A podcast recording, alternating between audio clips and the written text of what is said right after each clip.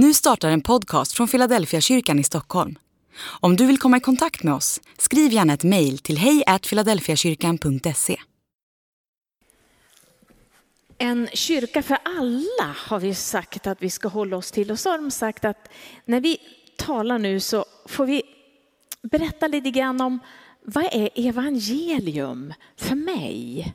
Och det hör faktiskt ihop lite grann med vad du säger. Det här med att faktiskt älska och tycka om människor. Jag ska berätta lite grann vad som hänt i mitt liv som jag tror har format mig.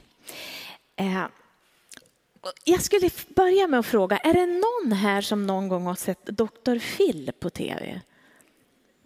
Ja, nu är ni fega, jag tror faktiskt att det är fler. Jag tycker de sänder de där programmen nästan jämt och har gjort det under så många år. Dit kommer ju människor som berättar om sina liv, antingen sådana som har väldigt svåra situationer eller de som har varit med om något så deras liv har förändrats. Och så använder man en formulering. Man säger så här att man pratar om defining moments. Det har ni säkert hört. Och jag, det där har jag gått och tuggat på lite grann. Vad är då det här defining moments? Och det betyder så här. Det är ett avgörande ögonblick. Det är direkt översättningen av defining moments. En punkt i ditt liv när du uppmanas att fatta ett avgörande beslut. Eller när du upplever något som förändrar dig i grunden. Dessa ögonblick definierar oss inte bara, utan de har en transformativ effekt på våra uppfattningar och beteenden. Alltså, någonting som plötsligt händer som förändrar mig på djupet. En förvandlande effekt på mina uppfattningar uppfattningar och mina beteenden. Det där är ju svårt. Kan det överhuvudtaget hända? Men de påstår att det händer där hos Dr. Phil och man får ju se massa sådana berättelser. Och jag vill påstå att det har hänt i mitt liv och jag tänker berätta lite om det men jag ska börja med någon annan som har varit med om det här. För det kan ju vara sådana här sammanhang när livet bara förändras. Jag kan tänka mig att när man håller ett nyfött barn, jag har aldrig fått den nåden att hålla ett eget barn i famnen, många andras. Men att hålla sitt eget barn, det är ju som att man förändras. Plötsligt blir det andra prioriteringar, andra saker som blir viktiga. Eller när sorgen drabbar eller när sjukdom drabbar och livet förändras och jag måste på något sätt förändras inuti för att kunna hantera det där. Eller så kan det vara så att man gör, det låter som lite mindre då, men en sån där aha-upplevelse. Det tangerar det här med defining moments. Hos Dr. Phil är de många som kommer och berättar om sina sådana där situationer, sammanhang. Men Bibeln har många sådana berättelser också. Och när jag funderar på om jag skulle ta ett exempel från Bibeln, vad skulle jag ta för exempel? Och då vill jag ta en man som heter Saul. Han blev så småningom Paulus och när du läser Bibeln så kan du se att han har skrivit många brev och det står en hel del om honom och han blev en väldigt viktig person i den kristna tron, alltså i hela historien. Men vet du vad det står om honom när det börjar?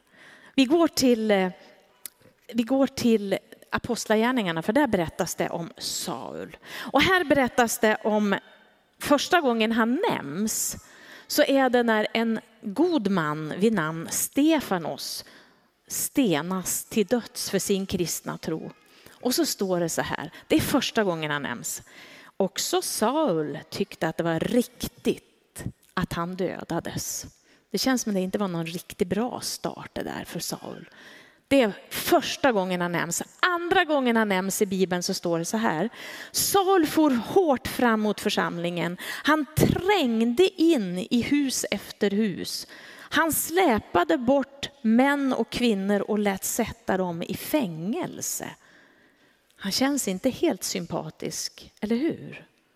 Så här startar det med Saul. Och så fortsätter vi i kapitel 9 så står det Saul som ännu rasade av mordlust. Han gick till översteprästen och bad få med sig ett brev till Damaskus. Om han fann några som hörde till vägen, män eller kvinnor, då skulle han få fängsla dem och föra dem till Jerusalem. När jag tittar på det här så ser det väldigt illa ut och jag tänker, skulle något kunna förändra den här mannen?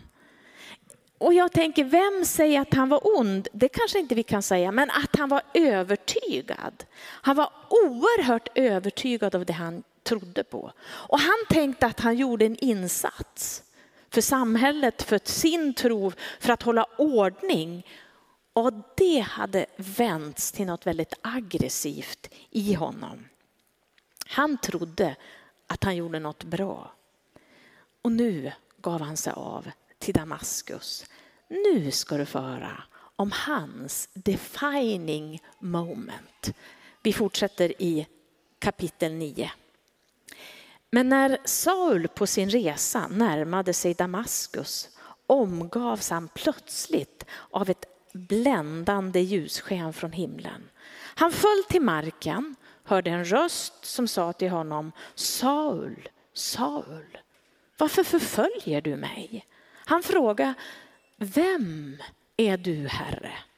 Jag är Jesus, den som du förföljer. Stig upp och gå in i staden så får du veta vad du ska göra. Hans reskamrater stod förstummade. De hörde rösten men såg ingen. Saul reste sig upp, men fast hans ögon var öppna kunde han inte se. De tog honom då vid handen och ledde honom in i Damaskus. Under tre dagar var han blind och han varken åt eller drack. Och så berättas det om att det är en man som finns där i Damaskus, Ananias hette han. Han bodde där på Raka gatan. Vet ni att jag har varit i hans hus i Damaskus och gått där på Raka gatan. Det var lite fantastiskt att få vara med i de här sammanhangen. Ananias, han var en varm troende och han fick veta att han skulle gå till denne Saul.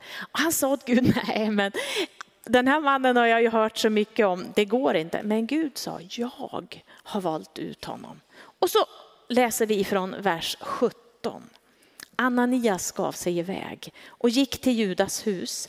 Han la sina händer på Saul och så sa han, Saul, min broder. Herren själv, Jesus som visade sig för dig på vägen hit, har sänt mig för att du ska få tillbaka din syn och fyllas av helig ande. Då var det som om fjäll hade fallit från Sauls ögon och han kunde se igen. Han lät genast döpa sig och när han hade ätit återfick han krafterna. Han stannade några dagar hos lärjungarna i Damaskus och började genast förkunna i synagogorna att Jesus är Guds son. Sen fortsätter det och så berättas det om Saul hur han är övertygad och han från den här stunden är det som hela livet har fått en annan riktning. Han går åt ett annat håll, han tänker på ett annat sätt. Hans värderingar har förändrats i ett enda nu.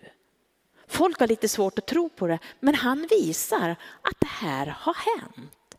Det var ett defining moment. Och jag tror att det finns sådana där stunder som är viktiga för oss också. Där vårt liv kanske behöver få en djupare mening eller en annan riktning.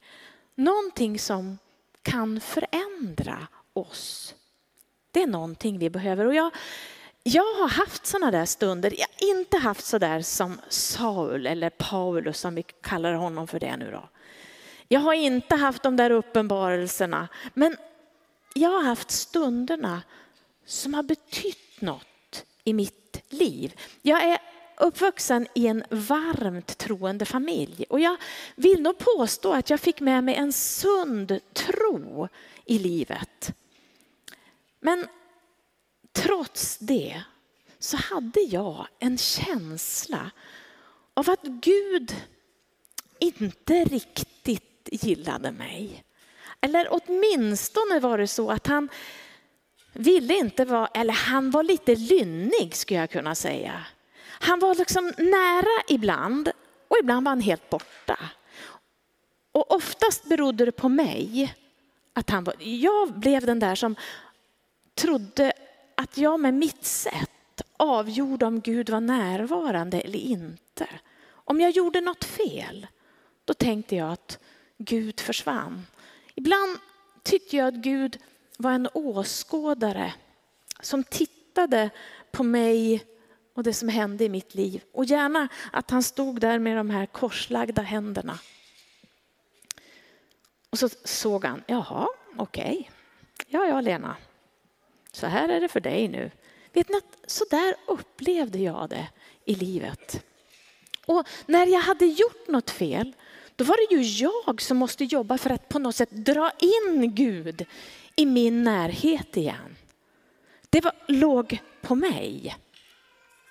Så jag var liksom på något sätt orsaken till Guds närvaro eller Guds frånvaro. Jag kunde förstå honom också. Hur skulle han kunna vara nära jag som gjorde så där och sa så och tänkte så. Det var inte underligt om han vände sig bort. Ganska jobbigt. Men det blev lite bättre med åren, det tycker jag, och lite lättare. Men ändå fanns det där hos mig. Så läste jag min bibel. Och jag vill ju påstå det att Bibeln är väldigt bra. För den kan göra något helt nytt med mig.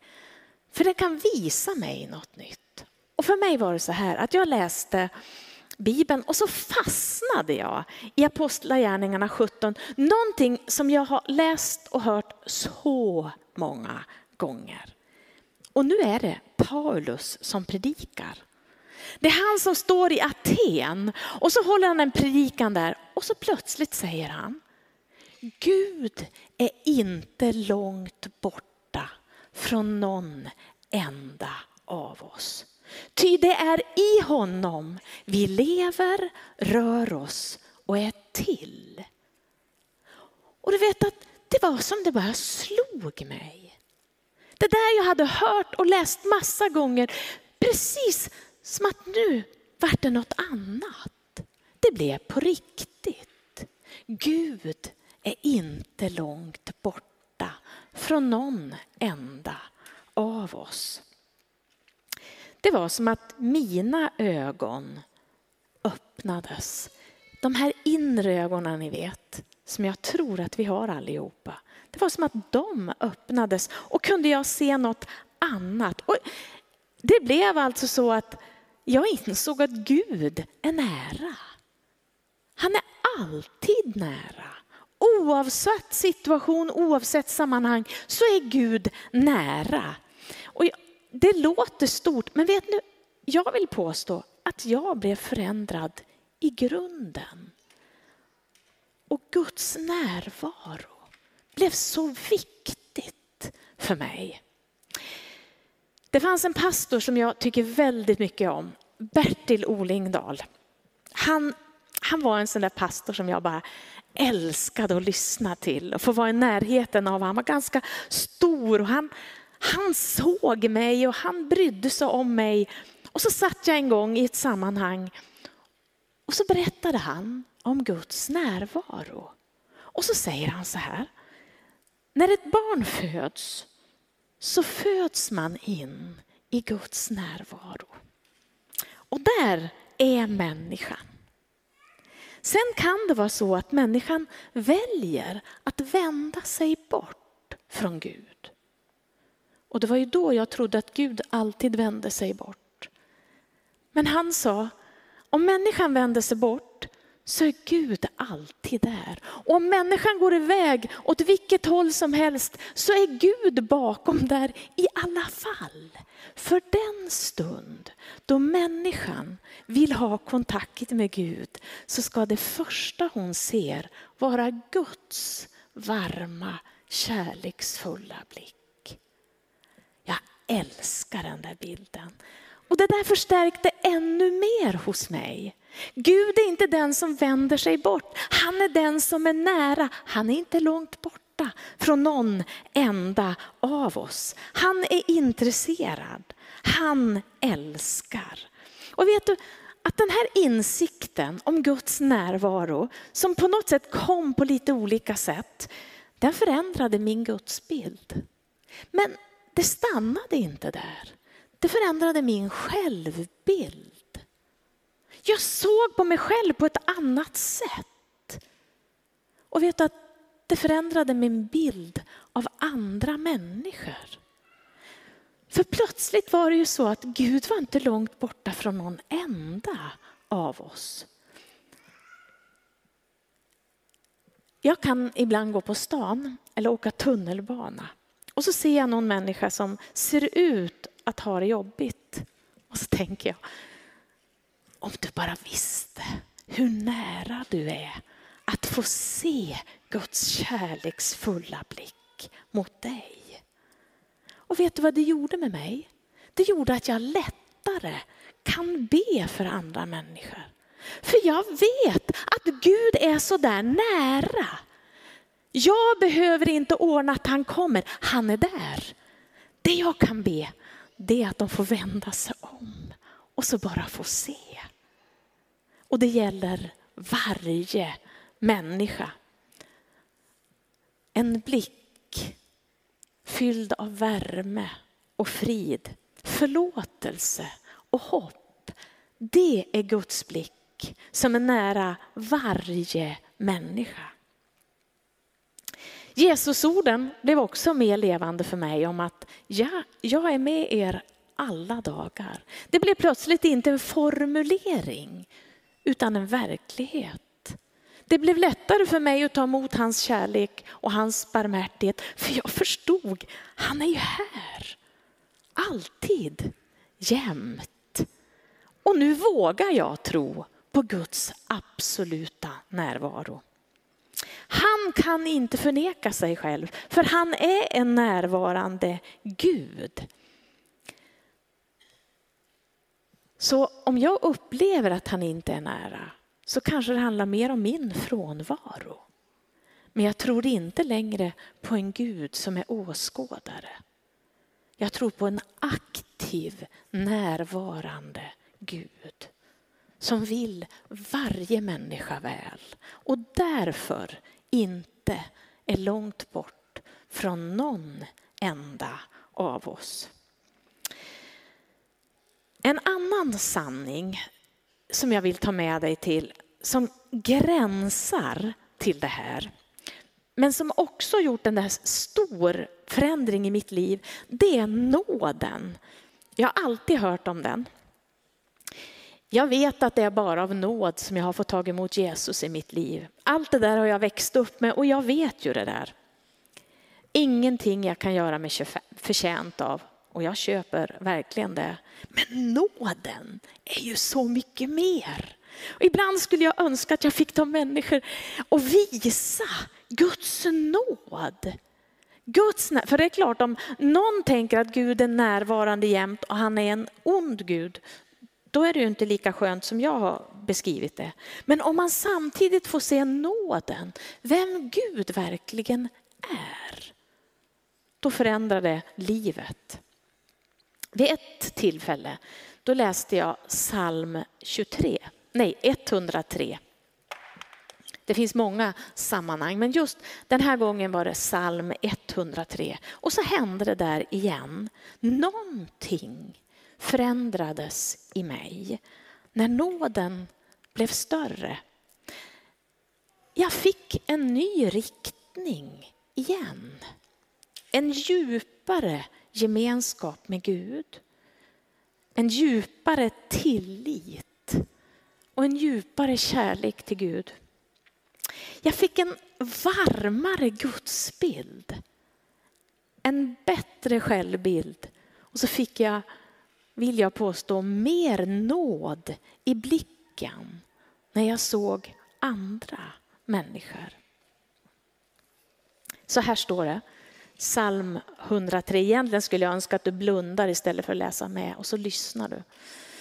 Barmhärtig och nådig är Herren. Sen till vrede och rik på kärlek. Han går inte ständigt till rätta med oss. Hans vrede varar inte för evigt. Han handlar inte mot oss som vi förtjänat. Han ger oss inte våra synders lön. Ty så hög som himlen välver sig över jorden, så väldig är hans nåd över den som fruktar honom.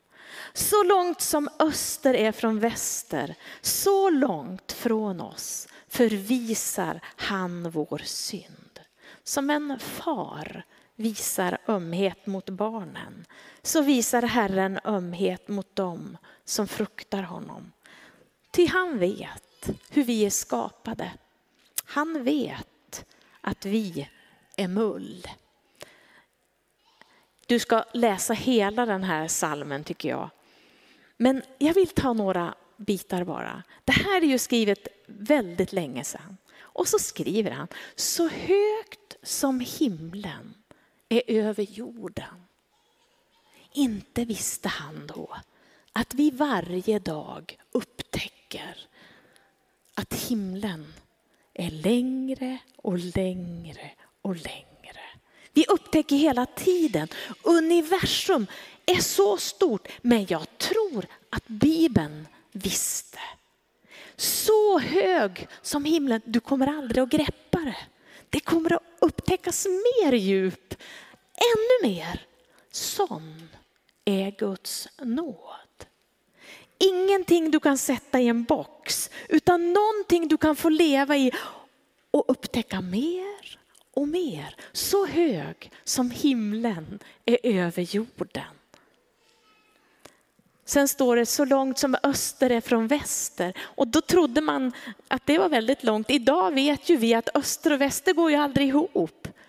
Så långt som oändligt lägger han bort våra synder.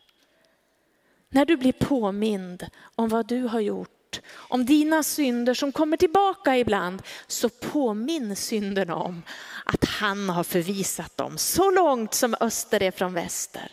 Oändligt. Det är en sån Gud vi har att göra med. Och så älskar jag det där. Han vet att vi är mull. Ja men Lena, jag vet ju att du inte klarar allting. Lena, jag vet ju att du kommer till Jag vet att det där är din svaghet. Han vet att inte vi kan och klarar allt. Och i det så kommer han med sin stora generositet och vill ge av sin nåd över våra liv. Vilken Gud, vilken nåd.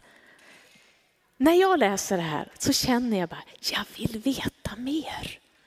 Jag vill uppleva mer. Jag vill leva mer i det här. Jag vill ha riktningen. Jag vill att mina värderingar och mina beslut ska formas av det här.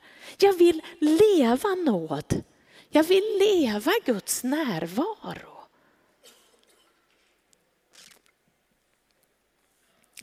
Om jag ska landa lite nu och sammanfatta mitt evangelium.